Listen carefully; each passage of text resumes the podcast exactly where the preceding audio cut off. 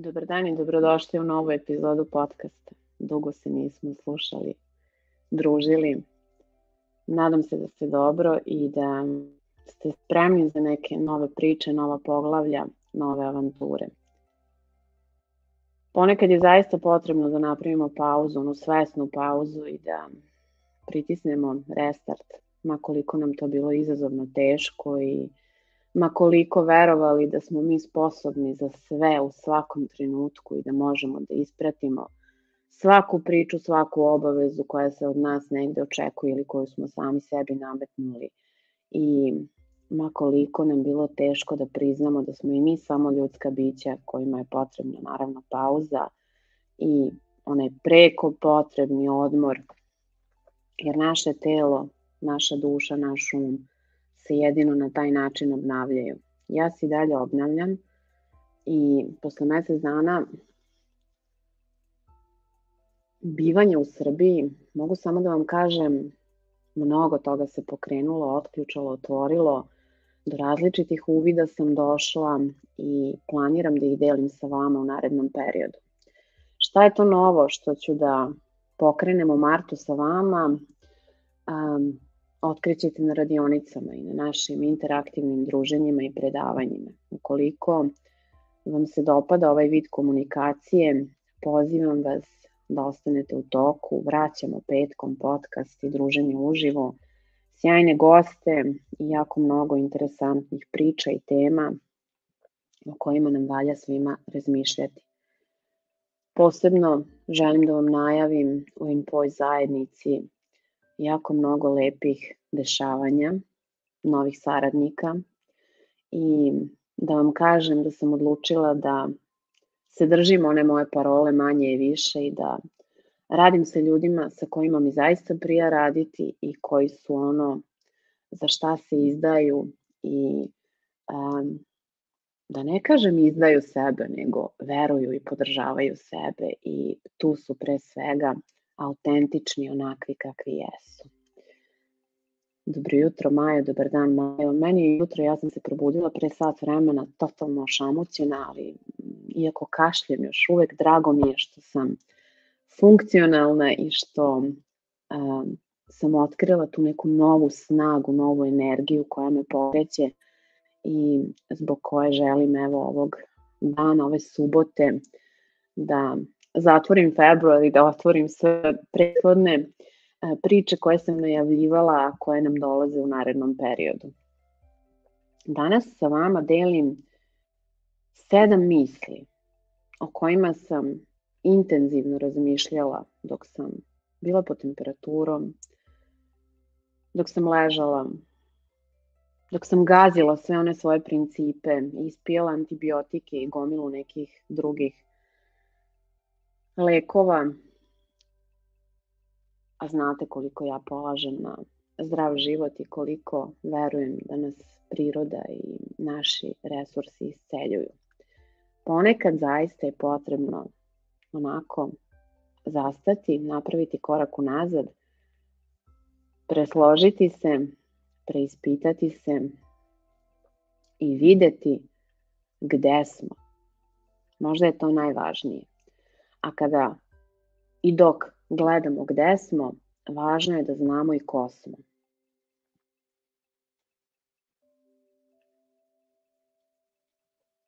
Prva misa o kojoj sam intenzivno razmišljala jeste kontrola. I ovim putem bih jako volela da se dodirnemo te kontrole, da vidimo šta pokušavamo da kontrolišemo i zašto pokušavamo da kontrolišemo. I reći ću vam ono što je meni fenomenalno jeste um, življenje u stanju neograničene moralne slobode, da zaista želimo da budemo oni koji jesmo i da verujemo u sebe i da negujemo sebe i da ne lažemo pre svega sebe. Naravno da ne postoji biće na ovom svetu koje nikada nije slagalo sebe, ali i druge ljude oko sebe. Međutim, ono što je posebno interesantno um, i čemu svedočim jeste da se nekako mnogo primimo na tu našu laž i onda pokušavamo da kontrolišemo i ljude oko sebe i verujemo da smo tako cool ako to činimo i da, um, da nešto gradimo, mo, mogu tako slobodno da kažem. O čemu se radi? Pa, ajde da to formulišemo ovako. Nismo cool ako lažemo sebe i što više kontrolišemo, imamo manje poverenja u svet.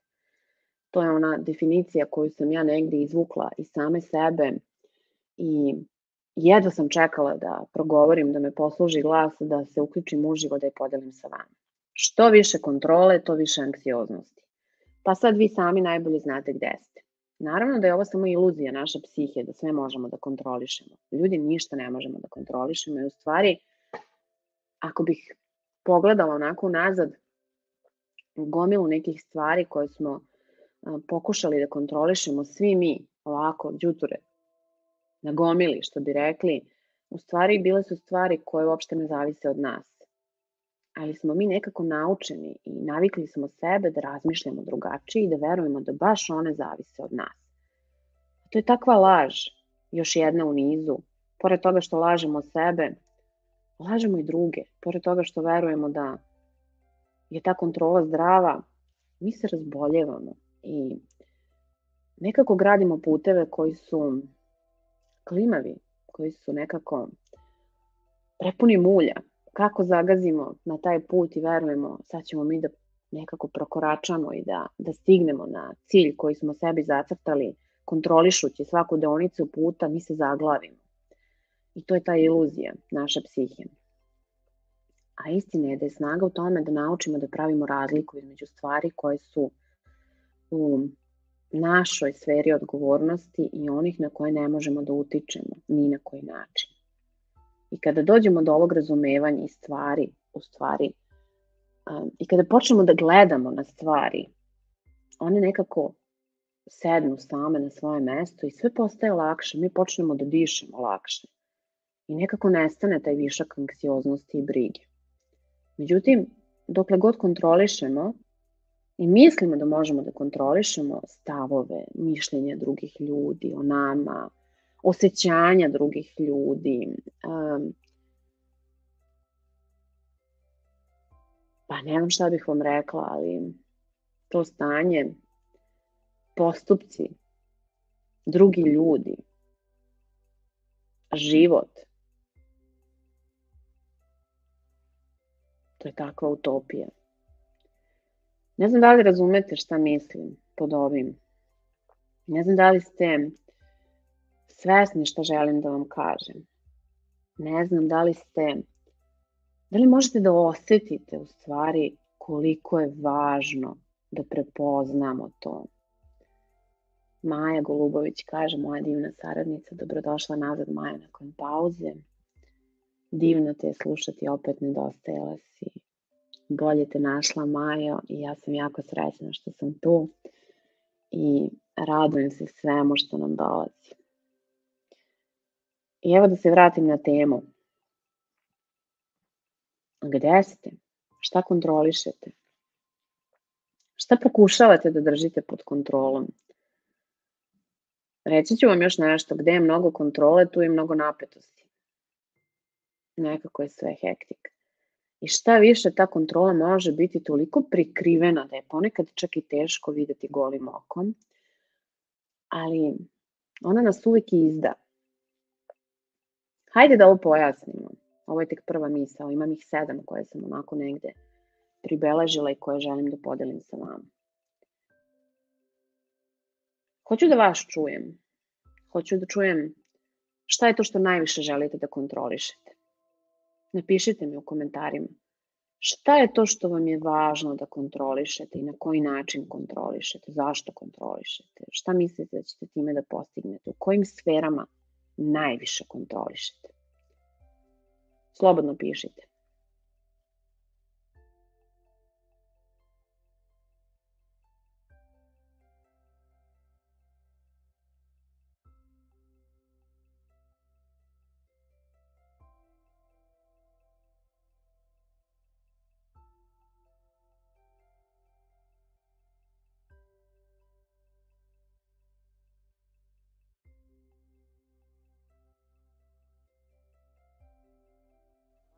Razmišljate i niste baš tako hrabri da sebi priznate svoju istinu brzo, ali nadam se da ćete nakon ovog mog uživo javljanja razmisliti o tome da sebi priznate svoju istinu, ako ništa drugo. Nekako nas ono oslobađa. Ne tako davno um, ja sam donela jednu jako važnu odluku. Um, bukvalno me resursovala. Da ne istupam na scenu, da ne istupam pred ljude, da ne istupam nigde, bukvalno, ako zaista nemam šta da kažem. A kada istupam da je to bez krivice, bez straha, da ne pravim onaj super koristan sadržaj za publiku, da, da svima negde posluži, da svi mogu da se pronađu, nego prosto da budem ona koja jesam. I ako nekome tu nije mesto, nije mu mesto i neka se samo odjavi, ja ne moram da mislim o tome. Suština je u tome da nismo svi za svakoga, a oni koji se prepoznaju i za koje zaista jesmo, oni su u prihvatanju samih sebe i prihvatanju nas pre svega, mene, ovakve kakva jesam. Vas, takvih kakvi jeste. U tome je cela poenta. Ne možemo mi da budemo nešto što nismo, a i možemo da pokušamo i to će da traje jako kratko i onda ćemo vrlo brzo da skliznemo u očima drugih i sav taj naš trud da nekako budemo svima super, korisni, pametni, na usluzi, simpatični i tako dalje će da padne u vodu, odnosno u taj mulj. Zašto sam ja odlučila da je bolje da budem onakva kakva jesam i da me neko hejtuje nego da me voli i da me tapše po ramenu? Zato što pre svega ja ne volim da tapšem po ramenu i volim da odam priznanje kada vidim da je zaista neko onakav kakav jeste i da se predstavlja zaista autentično, odnosno da se ne predstavlja nego da živi svoju istinu. Jer sve suprotno od toga za mene je gaženje samih sebe um, i ceđenje kao daj da iscedim nešto iz svoje duše da bude korisno drugima. Ali kada mi u dubini duše znamo da to nije u redu, šta onda možemo da iscedimo i koliko je to onda zaista korisno drugima? Šta bi to moglo da bude drugačije u ovom svetu? Pogledajte u kakvom svetu živimo, veštačke inteligencije, gde je sve dostupno, gde se knjiga napiše za 60 sekundi i gde je bukvalno danas svako genije ako to želi da bude i ako ume da se služi tehnologijom. A da li je to poenta? Koji strah nas hrani pa to činimo? Šta je to što bi moglo da bude zanimljivo drugima? Da li je to taj naš strah da će neko odustati od nas? Ili je to takođe potreba za kontrolom? Da li tako izdajemo sebe? Ja verujem da da. Često ne možemo da rasuđujemo onako istinito i količina i kvalitet sadržaja koji konzumiramo i koji kreiramo za druge, ako kreiramo, svakako utiče, ali ne onoliko koliko sam ja mislila da utiče. Moj stav prema svemu tome je, priznajem, bio iskrivljen i bila sam i obmanuta. Verovala sam nekim ljudima koje sistem propagira, koje neke akademije propagiraju, koje su onako na vrhu, da tako kažem, marketinga, psiholoških nauka i nekih drugih nauka, a koji imaju direktnu vezu sa celom ovom pričom koja je meni donela jako važan uvid. Moj stav je bio iskrivljen. Bila sam obmanuta.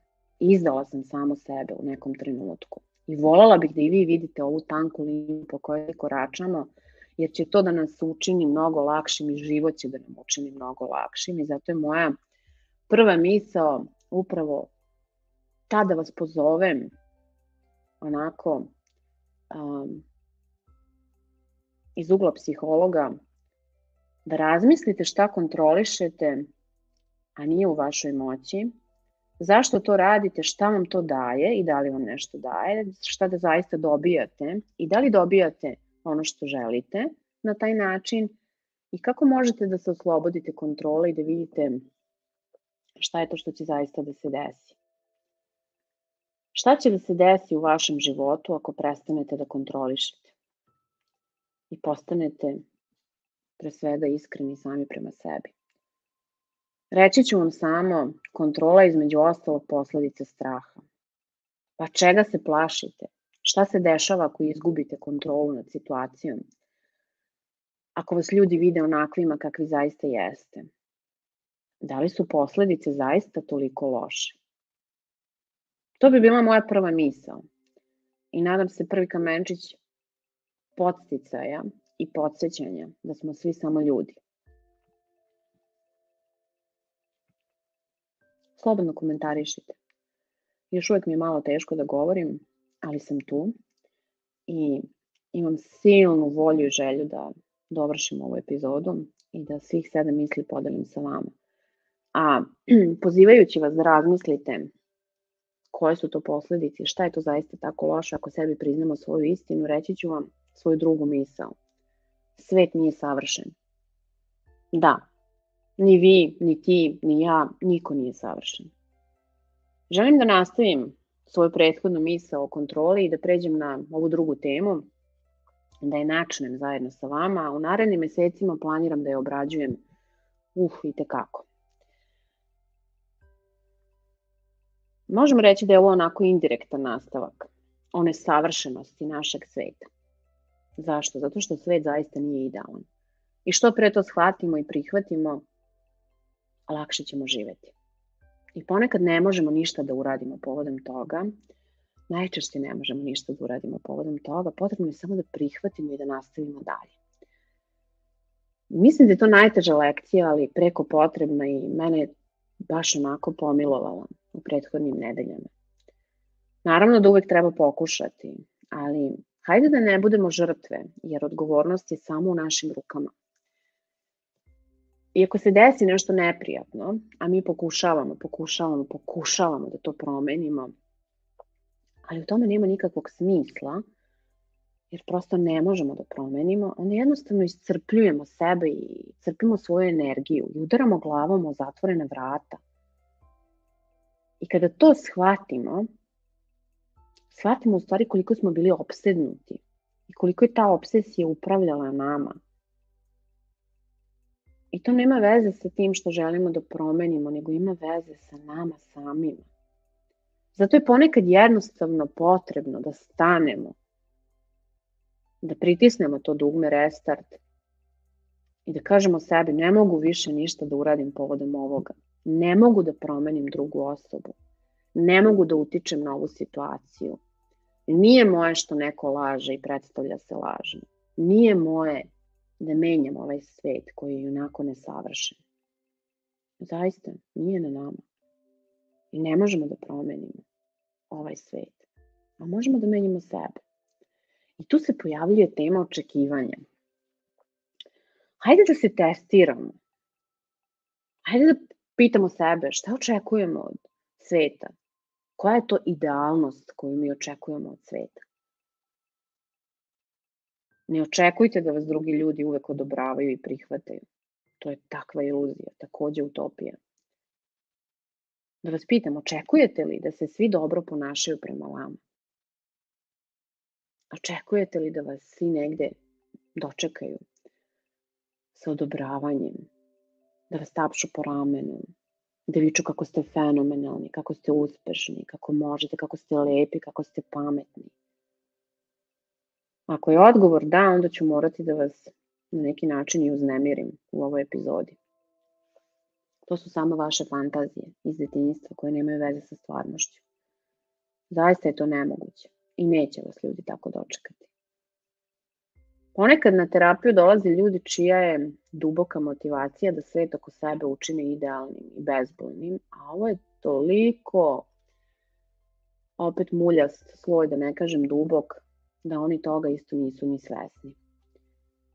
Kada jednom ugazimo u taj mulj nesvesti, jako teško iz njega izlazimo. I bojim se da mnogi ljudi ne žele da prihvate svoju istinu. Mnogi ljudi imaju fantaziju da psiholog, terapeut ima takvu moć i da će im u tome pomoći. Pobrinuće se da se svi ljudi dobro obhode prema njima, da će sigurno nešto uspeti u životu da naprave, da će se odnositi sa poštovanjem sami prema sebi pre svega i da će umeti da pokažu ljudima kako je potrebno da ih i oni poštuju i uvažavaju. A istina je, tu se opet radi o kontroli. Ne postoji garancija ni na jednoj seansi, ni sa jednim psihologom, ni terapeutom. I ne može niko da vam da tu garanciju da će biti onako kako vi želite i to je takva laž. Još jedna u nizu. I ceo paradoks leži u svemu tome i sve ovo o čemu vam ja sada govorim je vrlo realno, vrlo istinito, a mi okrećemo glavu. I u većini slučajeva okruženi smo ljudima oko sebe koji nas kao prihvataju i koji mogu mnogo čemu da nas nauče. Mogu da nam pokažu kako da ostvarimo svoje želje. Bukvalno ono, na klik od nas. Živimo u takvom svetu. Mogu da nas nauče kako da, na, kako da izgradimo zdrave odnose, kako da odrastemo. Ali samo onog trenutka kada mi odlučimo da smo spremni na to. Ali pre toga je potrebno proći kroz neku vrstu inicijacije, upoznati stvarnost oko nas. Biti frustriran zbog toga, shvatiti da se sve što se dešava oko nas dešava na mnogo različitih načina koji nam možda nisu prijatni i prihvatiti to. Šta vi mislite o tome? Koliko živite iluzije? Drugim rečima, sve postaje stvarnost tek kada prestanemo da se opsedamo nečim i da očekujemo od sveta da bude idealan, savršen, da napravi mesto za nas. Ne, ljudi, mesto pravimo sami kada priznamo sebi da stvari stoje drugačije i da su zaista drugačije, da neka tamo druga osoba ne mora da ima nikakvo mišljenje o nama ili da može ima naj, da ima najgore mišljenje o nama, da ne mora da odabere nas za stručnjaka, za prijatelja, za partnera, da ima pravo na svoje osjećanja, čak i ako su ta osjećanja usmerena protiv nas. Da neko tamo nije dužan da nas poštuje, Kada to priznamo sebi, kada priznamo da komšije mogu da nam poplave stan, prosto eto, odjednom sa plafona krenulo je da curi sa svih strana. I da moramo da se nosimo sa tim, da krećimo. Da prosto šef može da nam da otkaz. Da možemo da prestanemo da zarađujemo, da, ne znam, partner može da nas ostavi i tako dalje šta god da je od svega ovoga ako ste iskusili, to ne znači da nešto nije u redu sa vama. To jednostavno znači da ste živi. I za život ovo je apsolutno normalno. Samo vam to možda niko nije rekao. A mi se stalno borimo protiv tog normalnog. Svet nije savršen i to je tako divno. Pa kako onda da naučimo da se nosimo sa svim ovim? E pa možda je vreme za moju treću misao. Misao o bolu, koja takođe nekako savršeno prati ove prethodne dve. Šta vi mislite o tome? Čekam vaše komentare, pa ću onda preći na bol.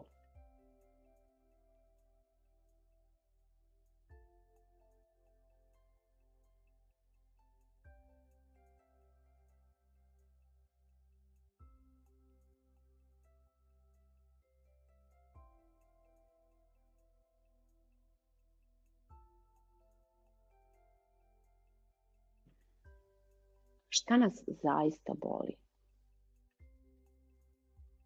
Zašto se mnogi ljudi plaše da prihvate ideju da svet nije savršen? Pa odgovor, odgovor je vrlo jednostavan, moram vam priznati, svi se plašimo da doživimo bol. Niko prosto ne želi da se suoči sa njom. I svi smo nekako to umorni od toga da želimo da se ogradimo od bola i odatle nekako dolazi ta fantazija o tom idealnom svetu gde mi nećemo biti povređeni. Ali opet u svetu postoje različite osjećanja i radost i bol. Ne možemo to da odvojimo i da učinimo da nikada ne doživimo jedno ili drugo. To je prosto nemoguće. ali možemo da naučimo da, budemo da imamo prostora da, da izdržimo i da držimo i bol i radost i sva druga osjećanja. Ponekad je samo pitanje promene načina razmišljanja. Vrlo često mi sebe zbog nečega povredimo, jer duboko u sebi ili da kažem sami nekako se pomirimo sa tim i odlučimo da se vratimo nazad u tu neku našu ličnu traumu. Naprimer, boli nas kada smo napušteni od strane nekoga. Ali bol od raskida, um, ako bih to formulisala drugačije, za svakoga od nas je u stvari drugačije. Može da bude drugačiji bol za neku osobu koja je na terapiji ili za neku osobu koja je u traumi i koja odbija da krene na terapiju. To su potpuno dve različite boli. U nekom drugom slučaju bol može da bude jaka, stvarno jaka. I postoji nekoliko faktora koji se spajaju u jednom trenutku. Nesvesna regresija, recimo u detinjstvu, kada je neka osoba ostavljena, onda ne znam, nedovoljno samopoštovanje, nedostatak svesti o sobstvenoj odvojenosti, pa ne znam šta bih mogla još tu da vam navedem, nedostatak recimo oslanjanja na ono što možemo da podnesemo, suviše jak nekako impuls um, da nas odobri ta neka nama značajna figura. A tu je i bol od kritike. Recimo ako je osoba neprekidno kritikovana u svom životu. Da zamislite kakav je to bol. I zbog te boli ta osoba sumnja u sebe i kažnjava sebe zbog toga. I onda stalno ima taj neki podsjetnik koji dolazi izvana nekako, tu je, gde god pogleda on je tu. Nešto nije u redu sa mnom. I to boli, jer stalno udara u tu neku nezalečenu ranu, u tu neku rupu koja je otvorena, nikako da je zašijemo. Jer vidite sada povezanost između ovih mojih misli. Mi se svi plašimo bola jer mislimo da će bol da nas uništi. Pa neće baš. Nekako, ne verujem. Znam. Bol ume da bude dosadan, ume da bude uporan, ali on je samo osjećaj. Zato danas želim da vam nekako dam povod za razmišljanje i da vas pozovem da stupite u kontakt sa svojim bolom i date mu mesto, ono odgovarajuće mesto. Ponekad ne možemo da naučimo da izdržimo ili smanjimo taj bol jer mu prosto ne dajemo prostora. Bežimo od boli. Ali ako dođe do tog osjećanja, važno je moći stupiti u kontakt sa njim. I zato je moja poruka danas kao stručnjaka, suočimo se sa bolom zajedno. Upravo sada pozivam vas da razmislite o situaciji koja vas još uvek boli. Ili možda, mm, hajde da to formulišemo ovako, možda je to neka situacija koja se vi jako plašite i bežite od nje. Ne želite da dođete u kontakt sa tim bolom i nekim drugim osjećanjima koji će se, koja će se negde onako pojaviti i isplivati. Hajde da zatvorimo oči i da se skoncentrišemo na svoje telo. Da osetimo taj bol. Da udahnemo duboko, ali ne ono fake duboko, nego stomakom. Da osetimo sebe dok dišemo. Da zapamtimo taj bol. Da zapamtimo taj osjećaj. Gde se nalazi taj bol? u kom delu tela osjećate. Pokušajte da uronite u taj bol, doživite ga maksimalno i neka vas obuzme, dopustite to sebi. I ustanite na noge, stanite, čvrsto se oslonite na svoje noge i počnite da dišete duboko. Gde god da ste sada, na ulici, u kući, dok perete, kuvate, dok ste negde, ne znam, sa prijateljima, na radnom mestu, ako radite danas. ustanite i osetite čvrst oslonac pod nogama i dišite duboko. Mm. Pokušajte sada svoju pažnju, ne svoj unutrašnji pogled usmerite na taj deo tela gde se nalazi bol i udahnite ga.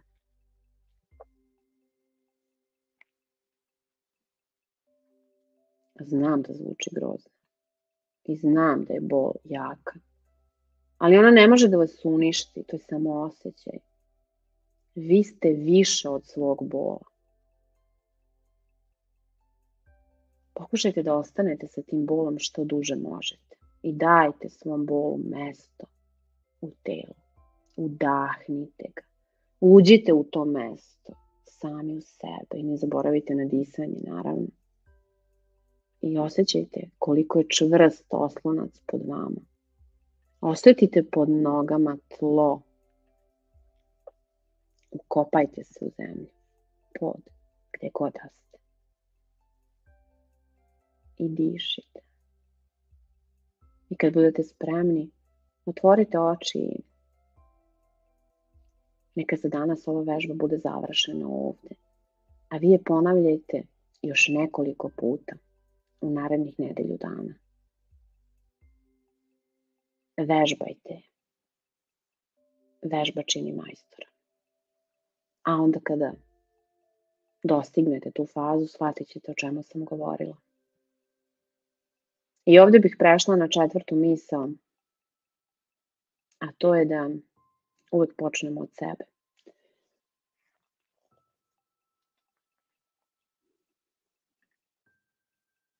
O čemu se radi? Pa sve su moje misli nekako vrlo povezane, iako deluju nepovezane. I metod rešavanja, recimo, problema, moj metod, da se razumemo, ja se ne želim na život, i ne krivim nikoga. Ne tražim krivce, ne žalim se. Kako vam to zvuči? Da li se vi žalite na život? Tražite li krivce oko sebe? Desi se neko sranje, baš onako, neko vas izneveri, neko vas proda, neko vas povredi, neko vas laže, neko vas napusti, neko umre. Krivite li vi druge ljude? Žalite li? Meni nikada nije žao i nikada ne pitam sebe zašto mi se sada to dogodilo.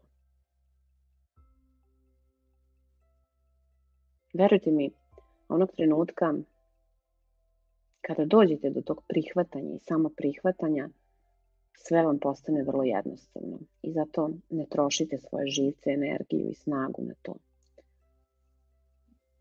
I to je neverovatno oslobađajuće. Kako je oslobađajuće? Zašto je oslobađajuće? Pa zato što ako se desi nešto neprijatno, onda ja recimo mislim na samo dve stvari. Šta sada mogu da uradim da se izborim sa tim i o tome zašto sam završila tu gde sam završila u ovom trenutku. Koje zaključke mogu da izvučem za sebe, za budućnost?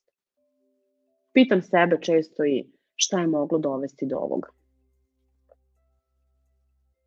Ne krivim sebe ili druge,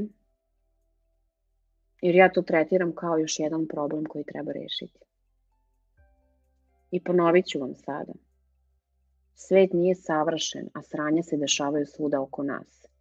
I zato želim da vas podsjetim još jednom na ovaj dobar način da se i vi nosite sa bolom i nepravdom, tako što ćete početi od sebe. Prvo recite sebi svoju istinu brže, a ako mislite da ne dobijate dovoljno nečega, počnite vi da dajete više tog nečega. I ako mislite da niste voljeni, pa počnite da dajete više ljubavi komšijama za početak, strancima na ulici. Možda se iznenadite koliko će vam se ljubavi vratiti u nekom trenutku.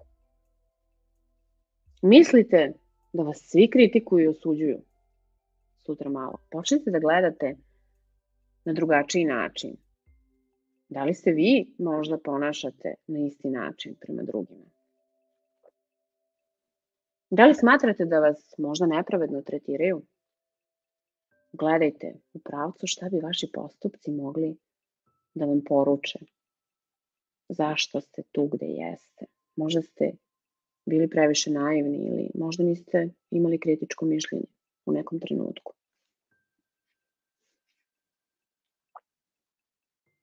Važno je da sve radimo bez očekivanja, jer očekivanja su put ka još većoj nepravdi. Ako date više, to nije garancija da će drugi odmah početi da rade isto u vašem pravcu. Ne moraju. Ali, želim još nešto da vam kažem. Svojim postupcima menjate polje oko sebe. Zapamtite da je svet i da je sve vaše ogledalo. Ja stalno volim da kažem ljudima kada mi upute kompliment ili kada mi pošalju neku poruku zahvalnosti, hvala ti što se ogledamo. Jer ja zaista verujem i svedočim sve više da smo mi ogledala jedni drugim. Ono čime ste sami ispunjeni okružit će vas pre ili kasnije i to je zakon. Razmislite o tome. I kad počnemo od sebe, mi preuzimamo odgovornost, a odgovornost je najveći stepen ljubavi prema sebi. I mi počinjemo sve da gledamo iz drugog ugla i svet oko nas. Jer kada mislite da je svet nepravedan, vi na njega stavljate svu odgovornost i od sebe pravite žrtvu. Ali vaša odgovornost je takođe tu, uvek. Samo je potrebno da pogledamo u pravom smeru. Da pogledamo u sebe. Što više preuzmemo odgovornosti za sebe, naravno gde je to prikladno, bit će nam lakše da živimo ljudi. I što manje imamo očekivanja, bit će manje nepravde, manje bola, shvatit ćemo da smo sami kreatori svoje stvarnosti.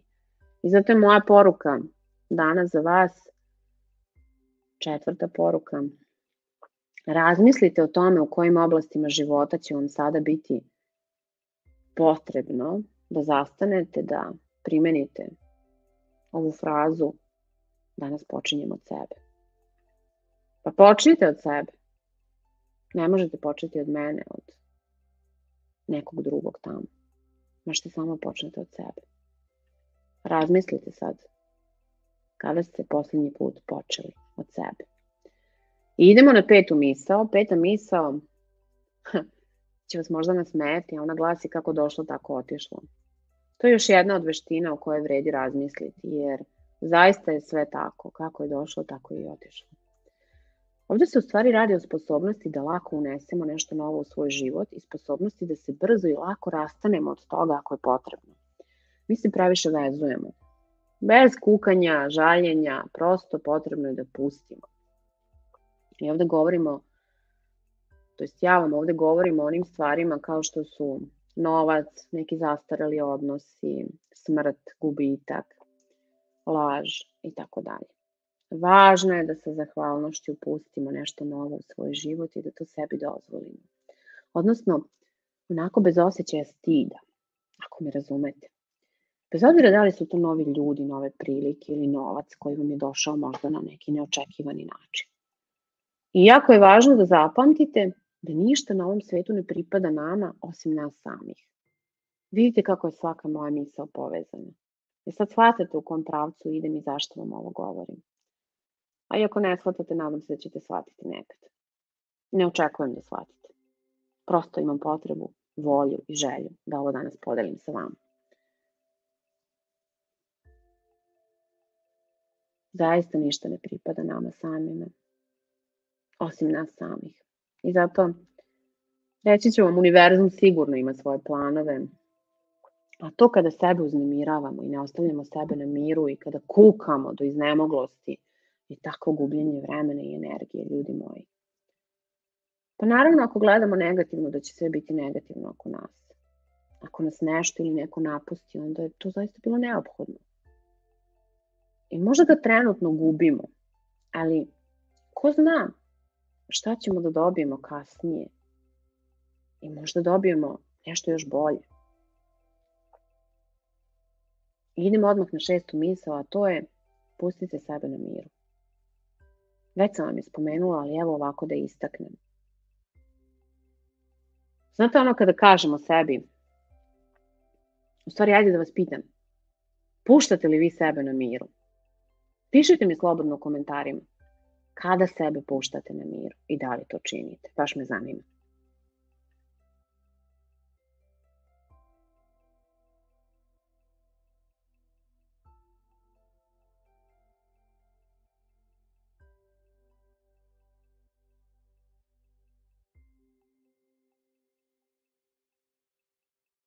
nikom ponikoše, ali sebe redovno ne ostavljaju na miru, sigurna sam.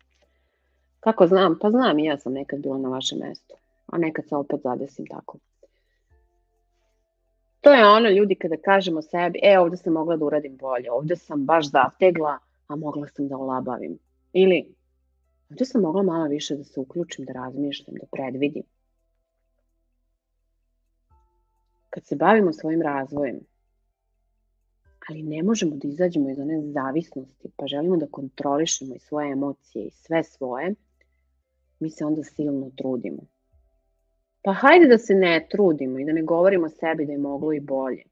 Iako je tamo neki moj kolega ili koleginica ne, nešto uradio, uradila bolje, što ja da kopam po sebi zašto ja nisam uradila to tako? Stanite tu gde ste. Ako umete da stanete, to je jedna fenomenalna veština koja mnogo pomaže da ostavite sebe na miru s vremena na vreme. Dozvolite sebi da pogrešite. Hajde da svi dozvolimo sebi da budemo nesavršeni. Hajde da damo pravo sebi na slobodan dan, na odmor. Hajde da dozvolimo sebi da radimo ono što nam odgovara, a ne kako bi trebalo ili kako se preporučuje. Prestanimo da zahtevamo rezultate od sebe kao od nekog sportiste koji tamo u kog su uprte, kao da smo Đoković. Hajde da da prestanemo se takmičimo, nismo na takmičenju, nismo na olimpijadi.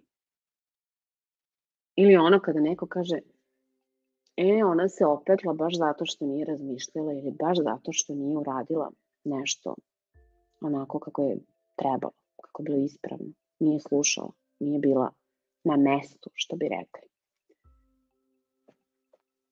Postoje neki mnogo pametni ljudi koji su jednom napisali da je potrebno živeti tako i tako. Da ustanete u 5 ujutru, radite vežbe, trčite 10 km, doručkujete tost sa avokadom jer je on naravno pun zdravih masnoća i onda još radosno trčite na posao i ne odlažete nikakve obaveze za neki drugi dan kada biste možda bili malo bolje raspoloženi. E pa, ja za te pametne ljude imam jednu poruku, a to je ostavite sebe na miru. Nekad prosto ne ide. Nekad prosto ne možemo da jedemo avokado Ne možemo da budemo sportisti svakog jutra i nekad nam se prosto ostaje tih pet minuta duže u krevetu i to je sasvim u redu. To u praksi, što bi trebalo tako i tako, ne funkcioniše. Ili barem za jako mali broj ljudi. A za one za koje ne funkcioniše, funkcioniše u obrnutom smeru tako što počinju da se grde. E, baš si lenja. Ne možeš ni jedan dan da istraješ. Kako misliš da postigneš rezultate, a svi su drugi postigli? Stop. Nešto prosto ne možemo. Potrebni su nam resursi, a mi ne gledamo tako, nego gledamo samo u pravcu svoje lenjosti i uveravamo sebe da zaista nešto nije u redu sa nama. Jel se neko prepoznao možda? Jel čuje neko uopšte? Jel prihvata svoju istinu? Verujte mi, mene je onako klepila po glavi, baš mi je trebalo. Morala sam prosto da je podelim sa vama. Evo u čemu je stvar. U našoj glavi. Tek kad nas klepi po glavi, shvatit ćemo.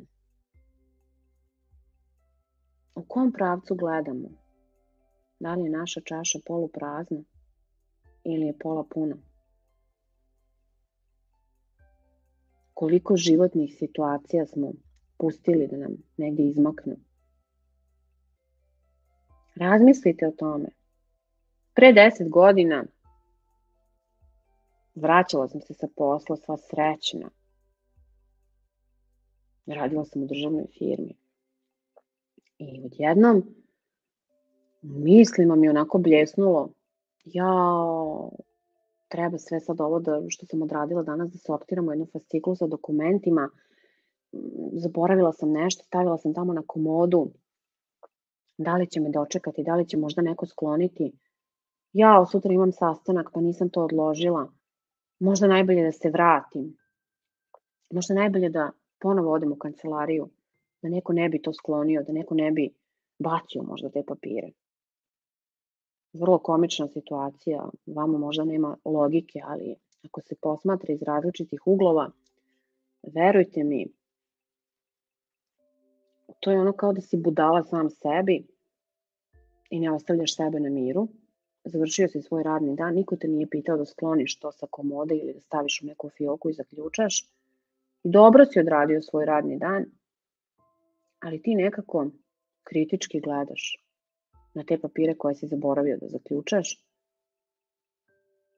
i razmišljaš možda ipak trebalo.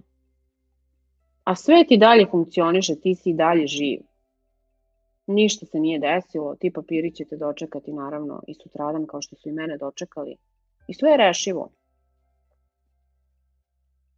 I sastanak je održan, a mogao i bez tog samobičevanja i frustracije. Shvatate razliku? Znate zašto vam pričam ovu priču? Zašto vam govorim ovaj primer? Pokušajte da ga povežete sa nekim svojim primerom. Ima jedan citat koji je fenomenalan, koji sam pročitala pre neki dan, onako po temperaturom, a to je zlostavljanje je loš način da se bilo ko motiviše. Mi smo samo ljudi. Možda ćemo se ponekad onako prekoriti ubijati do iznemoglosti, da ostvarimo karijeru, da smršamo, da postignemo sreću, dobre odnose. Ali, ako je sve to vreme našeg truda uključena ta naša unutrašnja policija, revizija, koja pokušava da dovede red u nama, onda koliko god da mi radimo na sebi, mi ćemo uvek nekako naći način da ta policija nam zavrne ruke onako iza leđa i da otkrije sve naše bolne tačke, jer će znati naravno naše bolne tačke. I nekako nikada nećemo dostići te naše resurse. I zato nemojte da mrzite druge ljude, da se ljutite na druge ljude. Ako ste nešto pokušavali da napravite, pa niste uspeli ili prosto nije vaša priča, I nemojte da radite stvari koje su vam zamorne. Nemojte da volite ljude na silu, nemojte da ostajete u odnosima na silu. Probajte sa ljubavlju da se odnosite prema sebi, pa će nekako i sve oko vas i učinak koji pokušavate da ostvarite biti lakši i bolji i nekako sa ljubavlju. I dođu evo do sedme misli, nadam se da ste živi, da niste zaspali ili pobegli. Govorit ću vam o vremenu na kraju ove epizode i baš sam srećna što sam uspela da je izguram, što sam uspela da je snimim i što ste tu. I baš vam hvala što me slušate. Mnogo mi to znači. I jedva čekam da krenemo sa radionicama i sa druženjima i da vam ispričam neke nove neispričane priče. Pa kada smo kod vremena, ne mogu da ne pomenem oblik toka psihičkih i fizičkih procesa. Vreme. Ja bih ovde izdvojila nekoliko teza, mogla bih da vam pričam, da napravim elaborat do jutra, ali ne mogu. Ipak, neka budu teze. Sve se dešava ljudi na vreme. Važno je da se samo podsjetimo na ovo. Da može drugačije, bilo bi drugačije i uradili bismo drugačije da se ne možemo zbuniti i odmah pronaći reči, pa izgovorili bismo ih po Bogu. Da znamo neko najbolje rešenje, izabrali bismo ga. Znači, ne postoji ono, tu je negde samo još malo da prekopam u sebi da ga pronađem. Ne. Ako nešto nismo znali u tom trenutku, to je u redu. To je sasvim u redu. Ako žalimo za nečim, Pa evo, ajde, predlog, ponovite neku situaciju u svojoj glavi. Kako bi moglo biti? I ja ću vam reći, to se zove anksioznost i bežanje. Ako vam se desilo nešto zbog čega žalite, to više ne može da se promeni. Šta vas prečava da to prihvatite? Možete samo da prizivate tugu i žaljenje i da ostajete u tom modu.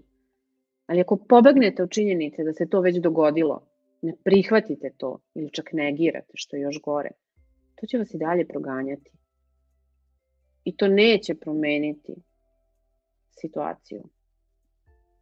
Mi ne utičemo na situacije ako smo zabrinuti recimo zbog njih. Ma kakvi. Onaj ko vam je to rekao, takođe laže sam sebe. Važni su samo naši postupci, ljudi. I ne pokušavajte da se navučete na sebe ili da preuzmete krivicu. I ne pokušavajte da budete nešto što niste. Ako zaista, zaista nešto želite, ali vam sad u ovom trenutku ne ide, ne, prosto ne nalazite način, razmislite o prethodnoj misli koju sam podelila sa vama. Ostavite sebe na miru, pobogu. Sklonite se malo od sebe. Dajte sebi vremena. Možda samo nije stiglo vaše vreme. Druga teza koju želim da podelim sa vama, a to je jedna jako važna veština u vezi sa vremenom, brzina kojom ostvarujemo naše namere. Što manje vremena imamo od ideje do implementacije, mi smo efikasniji. Da li je potrebno da vam ponovim ovo? Što manje vremena imate da ostvarite neku svoju ideju, brže ćete je ostvariti. Za realizaciju svakog posla ili ideje izdvajamo uvek određenu količinu energije i mnogi od nas je troše na razmišljanje, kreiranje nekog idealnog plana kako da se to ostvari. E pa često je za to potrebno toliko energije da često do same te realizacije u nekoj situaciji uopšte i ne dođe. I ako se pitate zašto nešto niste ostvarili, pa možda je to razlog. Svi smo to iskusili i dešava nam se naravno da se pojavi neka ideja, ono, upale nam se sve lampice, sanjamo je i sanjamo kako smo je sproveli u delo, ali onda krenu one naše misli racionalizacija. U, ali ovo je sranje, nema šanse da ja to uradim. Pa da, ali neko je tamo to već uradio, zašto bih ja sada to radio? I gomilu nekih drugih primjera. Da, vi ste bili oduševljeni, ali niste mogli brzo da reagujete, ne pokušavate da preskočite neke delove razmišljanja. I onda preuzimate krivicu na sebe gubite tempo. A suština je da hodate svojim tempom. Ok, neke stvari da zadržimo u glavi, ako još nije vreme za njih. To je sasvim u redu. Ponekad prosto moramo da odrastemo, da priznamo sebi svoju istinu i da shvatimo cenu vremena. Sećam se da sam nekad negde pročitala priču o ceni vremena, da je mnogo lakše platiti novcem nešto nego potrošiti vreme na neku uslugu, isporuku i tako dalje. Šta to znači? Da li vi razmišljate nekad o tome? Baš me zanima kako vi reagujete na odnos prema vremenu. I da li vam je lakše da platite nešto novcem nego da potrošite vreme na nešto? Kakve to veze ima sa nama i sa, ne znam, nedostatkom ideje ili siromaštvom, ako smo spremni da potrošimo vreme i odemo na drugi kraj grada zbog neke fenomenalne ponude ili ne znam, neka knjiga se pojavila u nekoj antikvarnici. Možete da povežete to? I ja sam bila zbunjena prvi put. Jer mi je to bilo normalno. Ali onda sam počela da se fokusiram na to da moram odmah da kažem da sam otkrila i shvatila svoju vrednost onog trenutka kada sam dorasla situaciji, nekoj ponudi, kada sam pazila na šta trošim vreme, čemu posvećujem pažnju, sa kim pijem kafu, gde kupujem, zašto kupujem tamo.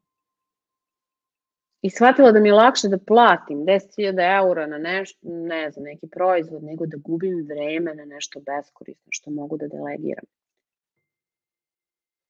Jel razumete o čemu vam govorim? Do toga moramo da dođemo, a ne da sami sebe bičujemo i vučemo za uši. I zato je moja poruka za sve vas danas, za kraj ove epizode. Sve se dešava na vreme, a ako se nešto desilo ili nije desilo, tako je trebalo da bude. Tako je bilo neophodno. I možda su samo ovo delovi neke veće slike koju vi trenutno ne možete da vidite. I zato hodajte svojim tempom, govoreći sebi svoju istinu, gledajući sebe pravo u oči, bez straha. I dajte sebi vremena i vodite računa o sebi. Jer vi već imate sve što vam je potrebno, samo pokušajte to da vidite. Jer ako ne vidite, džaba vam sve. Nadam se da vam je ovih sedam misli bilo korisno i da ste stavili prst na čelo, da ste zastali, napravili pauzu, razmislili o bolu, koliko sebe ostavljate na miru ili ne, šta činite da ostvarite svoje snove ili ne činite i da li je nečemu vreme ili nije. Ja vam želim sjajan vikend, radujem se što smo ponovo u ovom formatu zajedno i vidimo se i slušamo se sledećeg petka. Ostanite svoji, autentični, istiniti, negujući, podržani, jer baš takvi kakvi jeste, dovoljni ste. Hvala vam što ste poslušali ovu epizodu podcasta. Radujem se vašim komentarima i ukoliko vam se dopala epizoda, slobodno podelite sa svojim prijateljima ili onima koji bi to mogli postati. Pozdrav ljudi!